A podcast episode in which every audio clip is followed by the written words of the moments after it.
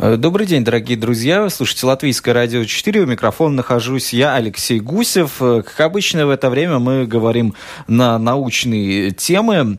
Э, сегодня мы вновь обращаемся к тем научным достижениям и работам, которые были отмечены Латвийской Академией Наук. Уже было несколько таких передач в рамках нашей программы, в рамках программы «Теория всего». И на этот раз мы будем говорить на астрономическую тему об исследовании Солнечной системы, малых планет и астероидов. А, наши ученые обнаружили 48 новых астероидов, уточнили орбиты нескольких сотен других небесных тел. Это масштабное исследование, обобщающее, скажем так, и получило, собственно, признание Латвийской Академии Наук. И я а, рад приветствовать у нас в студии автора исследования, старшего научного сотрудника, руководителя Института астрономии Латвийского университета и руководителя обсерватории в Балдене Илгмара Эглитиса. Добрый день. Здравствуйте. Очень рад видеть вас у нас в студии. Это же возможность есть у каждого нашего слушателя. Сайт lr4.lv. Заходите. Там же есть кнопка «Написать в студию». И, соответственно, благодаря ней вы можете свои вопросы нам адресовать. А я уже постараюсь их тогда передать нашему уважаемому гостю. А, что ж, давайте тогда, может быть, немного а, сначала уточняющих э, слов. То есть э, все, весь тот материал, который вы исследовали, он был собран нами здесь, в обсерватории в Балдене, не так ли? Да, все наблюдения проводились в Балдене. И эти наблюдения, они какое время охватывают? Это 8 последних лет. То есть это была действительно такая большая обобщающая работа. Да, она содержит 72 научных труда разного масштаба. Там есть э, в основном, конечно, измеритель, измерительные данные, но есть и также теоретические работы по исследуемому, исследуемому орбит э, малых тел Солнечной системы. Это такой сознательный выбор, что вот, э, ну, потому что как бы астрономия, она действительно большая, можно телескоп в небо направлять куда угодно. Это наша специализация, что вот малые тел, тела Солнечной системы, вот такая латвийская, можно сказать.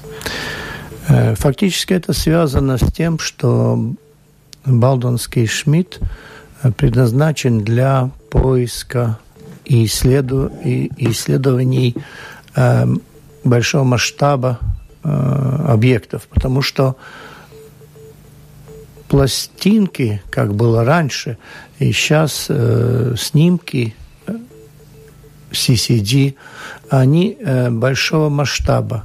12 квадратных градусов был, было поле зрения телескопа, тем самым охватывается очень большое поле на небо, на небе, и можно исследовать там все новые объекты, которые появляются в, этом, в этой области.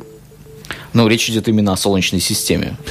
Э, ну да, можно, конечно, как раньше, мы также классически исследовали углеродные звезды, и эту тематику мы тоже продолжаем.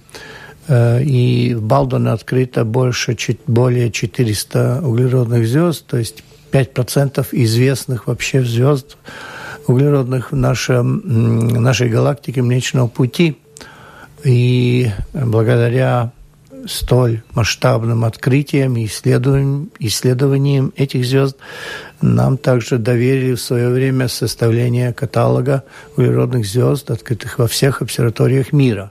Это большая честь для такой маленькой обсерватории, как наша ну и как раз э, в связи с этим мы можем очень эффективно также э, исследовать малые тела Солнечной системы. Телескоп достаточно светосилен и достаточно с большим полем зрения. Да, действительно, это всегда, наверное, интересовавший меня лично тоже вопрос, потому что ну, со звездами все достаточно понятно. Это объекты очень высокой светимости, мы их хорошо различаем на небе, ну, сравнительно, потому что ну, тоже все от своей специфики зависит. Если же мы говорим ну, об астероидах, о малых планетах, то их, наверное, увидеть на небе гораздо сложнее, и как же астрономам это удается? Да, конечно, эти тела Солнечной системы, так же как планеты, они только отражают солнечный свет. Тем самым они очень слабые, И поэтому нужны такие большие телескопы светосильные, как Балдонский, например. Балдонский Шмидт, 12 по величине в мире э, системы Шмидта телескоп. Так что довольно э, крупный инструмент даже для мирового масштаба.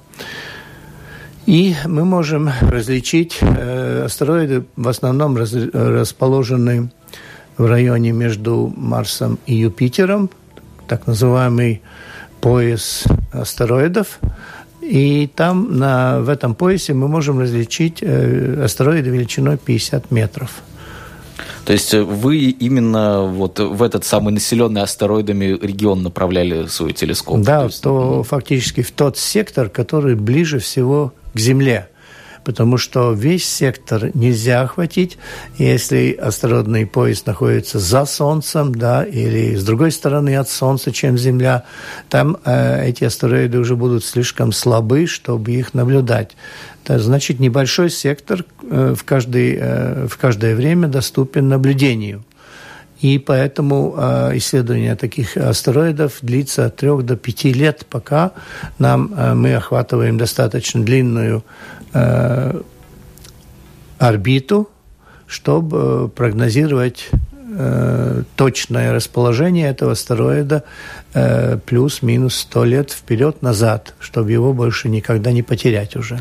То есть вы пытаетесь проследить за орбитой. Сейчас мы еще к этому вернемся подробнее, но хочется, наверное, обрисовать некоторую общую картину, как дела обстоят вообще в Солнечной системе с малыми телами, с астероидами. То есть очевидно, что они присутствуют не только между Марсом и Юпитером, а есть, ну, с точки зрения астрономической классификации, которая, может быть, несколько географична, но, э, тем не менее, между вот разными планетами есть определенное количество астероидов, и говорится, что есть предположение, что даже между Э, Меркурием и Солнцем есть какие-то небесные тела, но мы их увидеть не можем, не так ли?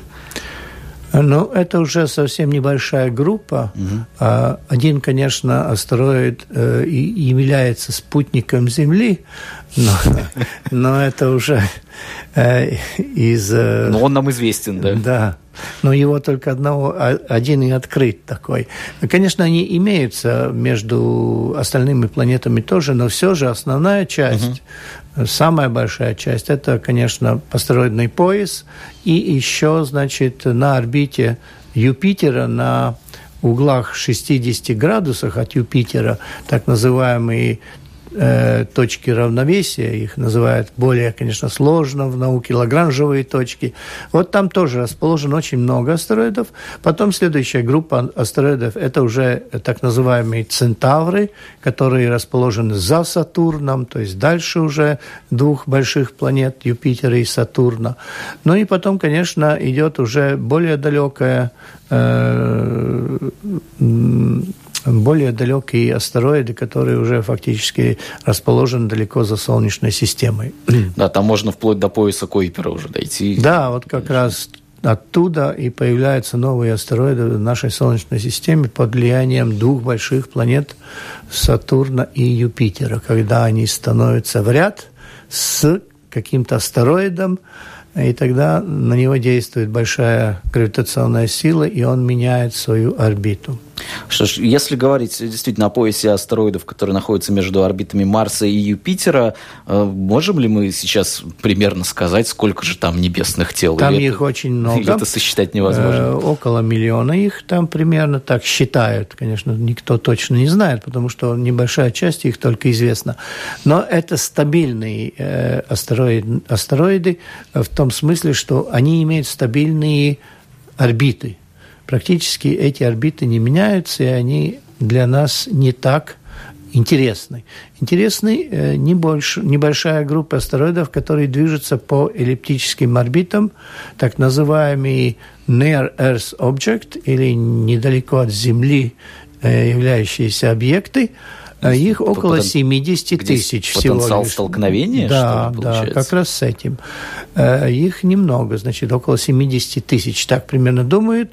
И при том самое неприятное то, что мы знаем только примерно 23% от них. То есть остальные пока неизвестны, но они где-то там двигаются. Вы пытались в своих исследованиях именно такие астероиды обнаружить? Ну да, это, конечно, самая главная цель – вот, исследования Солнечной системы, малых тел, чтобы как раз обезопасить нашу цивилизацию от этих падений крупных астероидов. Ну, обезопасить, конечно, это второй вопрос. Да, это уже вопрос, конечно, ну, да. космических полетов, но чтобы... Ну, предсказать, да. Первый шаг, чтобы сделать э, в этом направлении, это как раз э, знать, что такой опасный объект – есть, и когда он, значит, э, может э, столкнуться с Землей. Да, действительно, казалось бы, вот у нас э, постоянно телескопы направлены в небо, и мы можем э, вроде бы довольно успешно предсказывать движение небесных тел, но тот же Челябинский метеорит, он стал для нас сюрпризом и для ученых тоже в том числе. То ну, есть все, все еще до сих пор мы увидеть не можем. С Челябинским астероидом как раз сложность та, что он идет со стороны Солнца. То есть э, он имеет другое, другое э, направление вращения, чем основная часть астероидов. Такие тоже имеются, поэтому кроме вот земных телескопов надо еще и э, спутник, который находится, например, на орбите Венеры, который может видеть эти астероиды, которые двигаются со стороны Солнца. Кстати, Челябинский э, ну, метеорит фактически так надо Да, говорить. если он упал на Землю, то уже метеорит, наверное. Да, то э, это не так-то и редкая э, случайность. Каждые два до пяти лет такие э, метеориты падают. Только у нас э, Земля не очень равномерно заселена, поэтому большую часть их мы даже не замечаем. Они падают над океаном, э, в пустынях, полярных областях, в Сибири или э, в Амазоне, в Амазонке, да, тем более. Вот. Но вот э, по наблюдениям радарных их вот столько. Да, то есть э, Земля все время под угрозой находится. Да, они падают все, э, все до сих пор.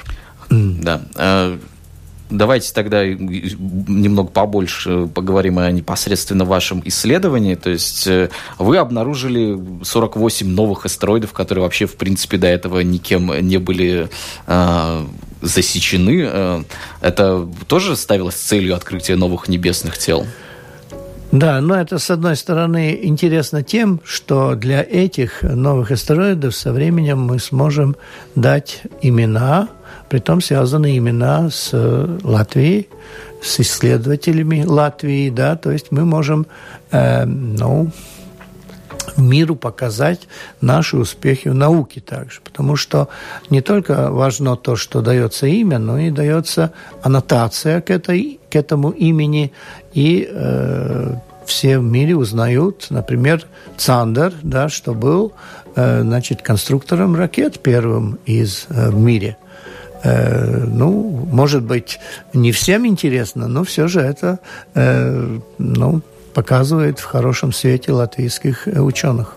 А то есть, mm. ну пока мы еще это не сделали, это такой длительный какой-то бюрократический процесс, все называется? Нет, тут процесс не бюрократии столько. Бюрократия затягивает примерно на полгода только, mm. пока э, Международный астрономический, астрономический союз подтверждает имя, они проверяют, чтобы не было э, политики политических деятелей, финансистов э, в, эти, в этом списке.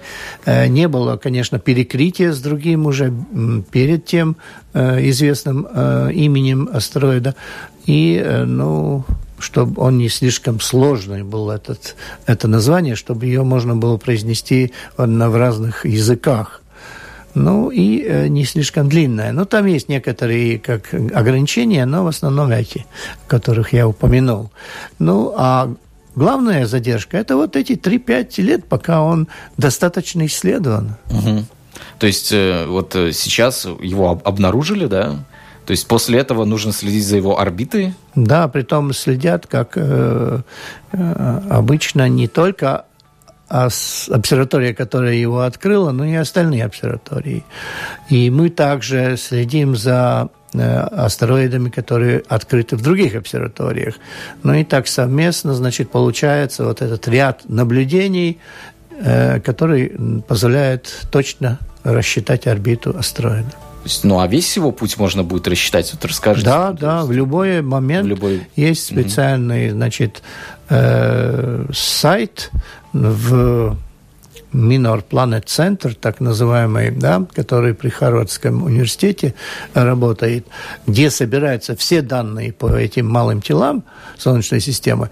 Э, и вот на этом сайте можно любому астероиду или даже не только нумерованному, названному по имени, но даже тем астероидам, которые до конца не исследованы, если дать вот этот вот э, данный э, ну, пока еще э, такой предварительное название, обычно это год и какие-то цифры, да, э, и буквы, то можно получить 10 дней, как, значит, он ведет себя на небе в любой момент. Да, ну, кстати, это достаточно любопытный момент, потому что, ну, вот нашей планете нужно 365 дней, чтобы сделать э, полный круг вокруг э, ну, с, эти, того, вокруг Солнца. Эти а астероиды а, двигаются они, они от двух до пяти лет вокруг Солнца, они mm. более далекие, да, поэтому... Поэтому им это и дольше занимает, этот полный путь пройти. Ну, да. Ну, и, соответственно, этот путь, он, э, если он дольше, то он, наверное, и по расстоянию они больше проходят, и просто вот мы в любой момент их можем видеть, они не скрываются от нас. Да, его можно период. видеть в любой момент, кроме, mm. того, кроме того времени, когда он за солнцем, тогда mm-hmm. солнце мешает. Но э, можно видеть, но с другой стороны нельзя, потому что они слишком слабо становятся, когда они удаляются от Земли, и их э, просто мы мож, не можем со своими телескопами достичь. Да, то есть э, увидели, а потом нужно, наверное, какую-то э, да, часть маршрута просто э, смоделировать. Ждать, сказать, да, да, смоделировать, поэтому их наблюдают э, сколько часто только можно после от открытия, чтобы накопить более длительную дугу. Угу. И чем дольше эта дуга, тем мы точнее знаем, когда он опять будет, вот этот сектор ближе всего к Земле, и мы опять снова, снова сможем этот астероид э, наблюдать. Что ж, а Какие размеры-то у этих астероидов вами открытых? То есть это достаточно большие небесные тела? От, или э, фактически от э, километра до где-то 60 километров в диаметре. Вот Центавр, который находится за э, Сатурном на орбите, мы его назвали Апофис, фуй, извиняюсь, э, Ориус, да, угу. и, э, значит, э, этот астероид имеет самый большой размер, около 60 километров, и назван он по э, сказаниям о центаврах. Так. Да, ну, 60 километров достаточно большое тело, удивительно, как его раньше не а, Ну, он увидел. слишком далеко находится, mm. поэтому... И вообще э, центавры живут недолго относительно. Их жизненная длительность где-то десятки миллионов лет всего лишь, потому что они находятся поблизости этих двух больших планет внешних. Ну, на наш век хватит, я думаю. Ну, да, наш проживет как раз около 10 миллионов лет, сколько мы, э, значит, промоделировали эту, э, как будет изменяться его орбита под влиянием этих двух больших планет Юпитера и Сатурна. Угу. А какие-то дополнительные исследования относительно состава, из чего он состоит, э, проводятся? Э, в основном это помогает только альбедо, отражательное поверхностное, значит, освещение, э, сколько он, э, насколько он ярок. Это первый и пока единственный фактически метод, как мы можем определить, из чего состоит этот небесный объект. Ну, подозреваю, да, пока, пока пробу грунта взять не получится.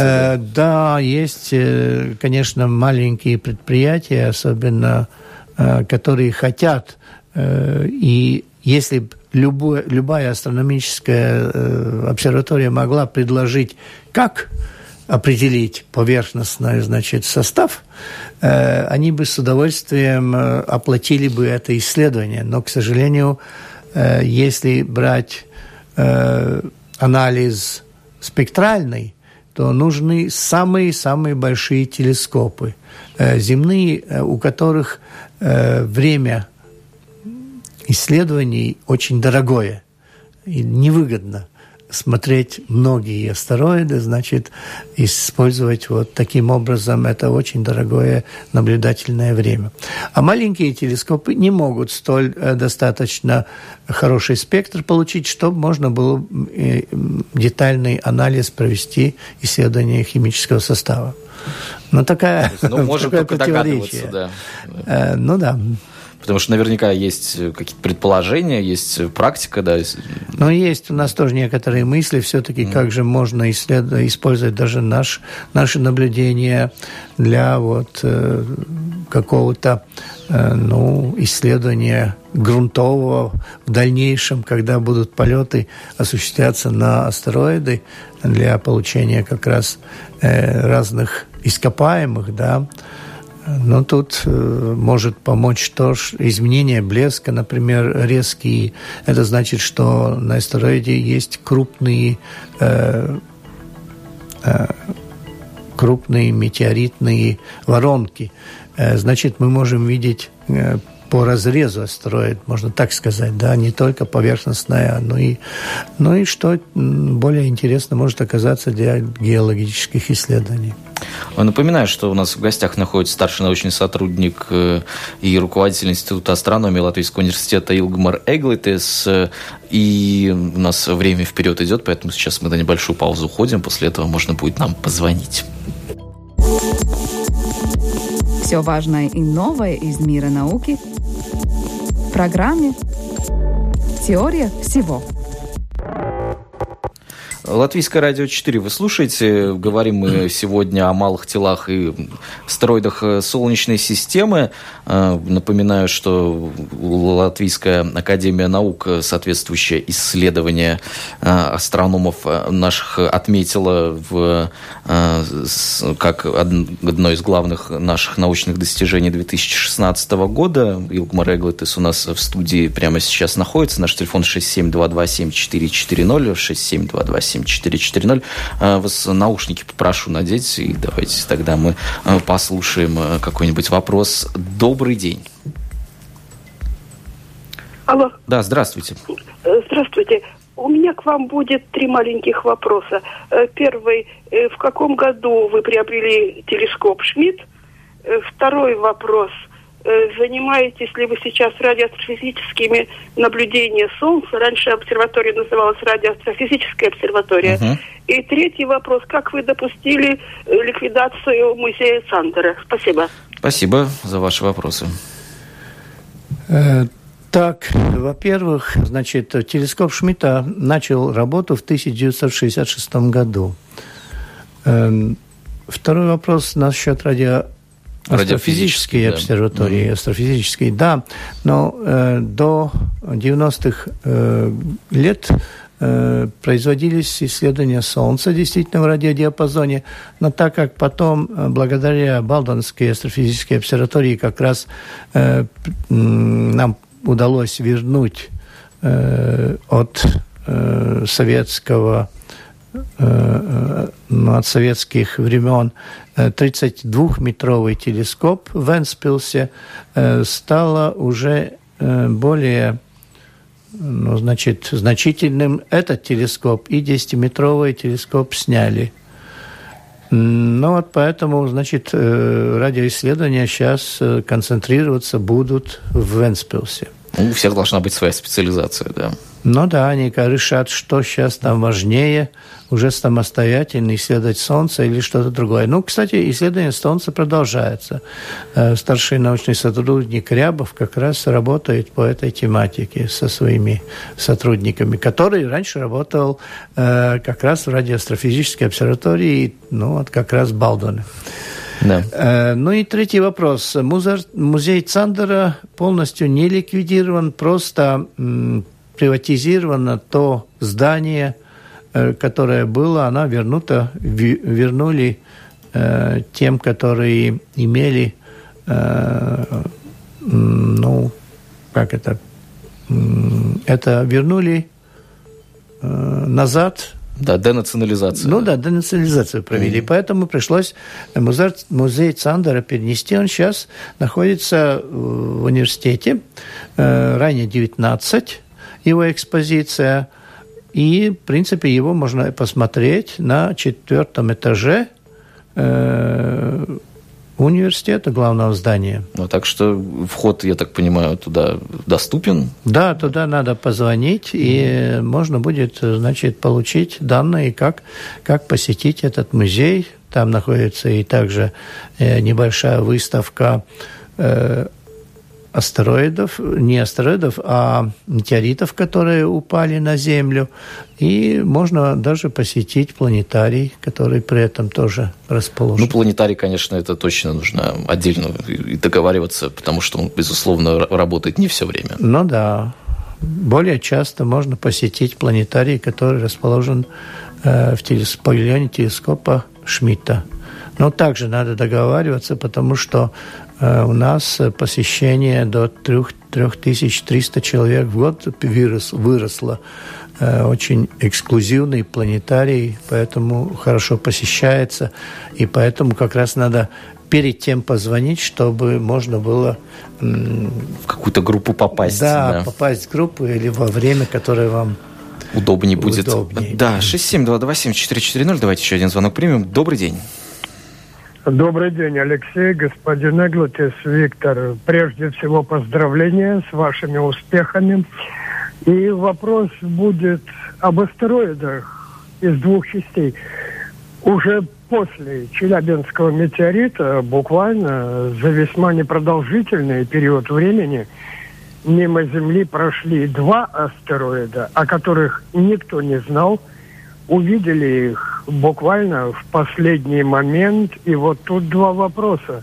Насколько эти два президента были опасны? Ну, поскольку миновало, понятно. А вот второй вопрос. Насколько, уважаемый Эдмар, должны быть критическими масса астероида, расстояние, ну, соответственно, скорость, чтобы он действительно реально попал в гравитационное поле Земли? Спасибо. Спасибо. Ну, спасибо за поздравление сначала. Ну, если миновал, значит не опасен. Но тут как раз видно недостатки нашей системы э, наблюдательной. Как будто кажется много телескопов в мире, но все же, как видно, они далеко до того, чтобы перекрыть всю весь небосвод каждую ночь. Что надо было бы, чтобы все эти э, опасные тела были засечены. Э, пока работают только в этом направлении более э, часто американцы – у них много обсерваторий, а Европа в этом плане очень отстает. Есть, конечно, планы на будущее, но пока мы отстаем сильно очень. Поэтому и такие случаи происходят. Но насчет того, э, когда они становятся опасными, опасными становятся, если их диаметр превышает несколько сотен метров это действительно будет опасно уже для Земли. Опасно тем, как и всем известно, это э, то, то же самое, что произойдет, если начнется ядерная война. То есть наступит ядерная зима при ударе астероида в грунт, или то, что описано в Библии, э, потоп Ноаса, да, если такой астероид ударит в океан. Ну, такие случаи были да, если есть Земли. Библия и описание, значит, было такой случай, но он, конечно, искажен уже сейчас. Ну, а второй случай связывается с э, уничтожением динозавров на Земле. Ну, по крайней мере, есть такая версия, да. И, да, по крайней мере, есть такая версия. Чуть конечно, ли, чуть ли не Мексиканский залив воронкой стал. Ну, ну да, э, конечно, есть вторая версия тоже, которую нельзя э, откинуть. Это версия извержения большого вулкана, потому что и такой случай тоже может привести к тому же тем же последствиям. Что ж, давайте вернемся к вашему исследованию, немного поговорим еще о той работе. Вы же не только действительно открыли новые небесные тела, были уточнены множественные орбиты, и там очень большое количество этих небесных тел. А какая главная цель была в этой работе? И, и она была, Это получается она была фактически такая? параллельно угу. с наблюдением новых астероидов, потому что э, поле зрения одного снимка большое, и на поле зрения Хотя и с этой проблемой мы тоже работаем. Фактически шмидтовские телескопы очень хорошие, но у них есть один недостаток. Э, фокальная плоскость изогнута. А это значит, что э, CCT-камеры, которые сейчас используются, они имеют плоское поле зрения – то есть несовпадение, фактически нефокальное изображение получается частично, да. Но нам удалось э, и в этом плане, вот в этом проекте работая, улучшить и это. Мы улучшили оптическую систему шмидтовской системы балдонской, так что мы можем уже сейчас перекрыть один квадратный градус. Перед тем мы работали с, с камерой, которая перекрывала около треть квадратного градуса всего лишь. И все же мы получили такие хорошие результаты. Так что с этой весны мы надеемся на более успешные наблюдения, тем более, что по плану э, у нас э, у, повысить вот этот вот э, объем до двух квадратных градусов. Это вполне возможно, потому что то, что мы разработали, э, как раз э, позволяет это сделать. И мы, с другой стороны, можем даже представить другим э, шмидтовским системам нашу разработку, вот, чтобы они тоже улучшили свою оптическую наблюдательную эффективность. То есть ближайшие планы продолжать вот исследовать Да, при том, где-то, если удастся вот этот второй шаг, э, Балтонский Шмидт станет 25 раз эффективнее. То есть можно представить, сколько тогда мы сможем открыть астероидов. Ну вот и параллельно наблюдая, получается на одном снимке и вот эти и уже известные астероиды. И, конечно, мы отсылаем все данные по астероидам э, в центр малых планет. Ну и они используются как раз для уточнения орбит. Да. Э, что ж, э, Благодарю вас э, за этот э, сегодняшний разговор. У нас, к сожалению, время уже на исходе. Напоминаю, что сегодня у нас э, в студии был старший научный сотрудник и руководитель Института астрономии Латвийского университета и руководитель обсерватории в Балдене Илмарк Эглитис. И говорили мы, собственно, о том исследовании, которое стало возможно благодаря телескопу в Балдене и тем успехом, действительно успехом, который наши астрономы смогли достичь в исследовании малых тел и астероидов. Спасибо вам большое. Э, программа «Теория всего» прощается с вами на неделю. Всего доброго вам, э, друзья. Встретимся совсем скоро. Меня зовут Алексей Гусев. И берегите себя.